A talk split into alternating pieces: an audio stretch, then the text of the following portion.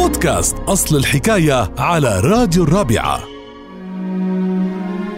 أصل الحكاية لليوم عن مثل بينقال وقت اللي بيشوفوا شخص وبيشبهوه لشخص تاني فبيقولوا بيخلق من الشبه أربعين.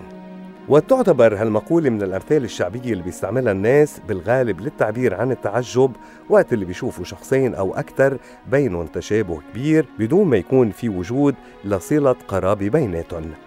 أصل كلمة أربعين فارسي بهالمثل تحديدا ولكن هالكلمة ما بتعني الرقم ولكن بتعني الكثير لأنه خالق البشر قادر بأنه يخلق أكثر من أربعين شخص بيشبهوا بعضهم ولكن القصد من الكلمة المبالغة. واستدل البعض على معنى هالشي من الأمثال الأخرى بنفس السياق منها الجار حتى البيت الأربعين وعيار الشبع بالطعام أربعين لقمة.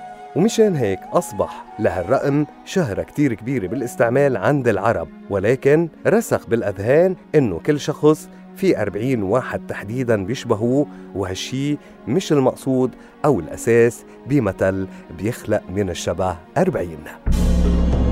لتتعرفوا على مزيد من أصل حكايات الأمثال تابعونا على بودكاست الرابعة أصل الحكاية.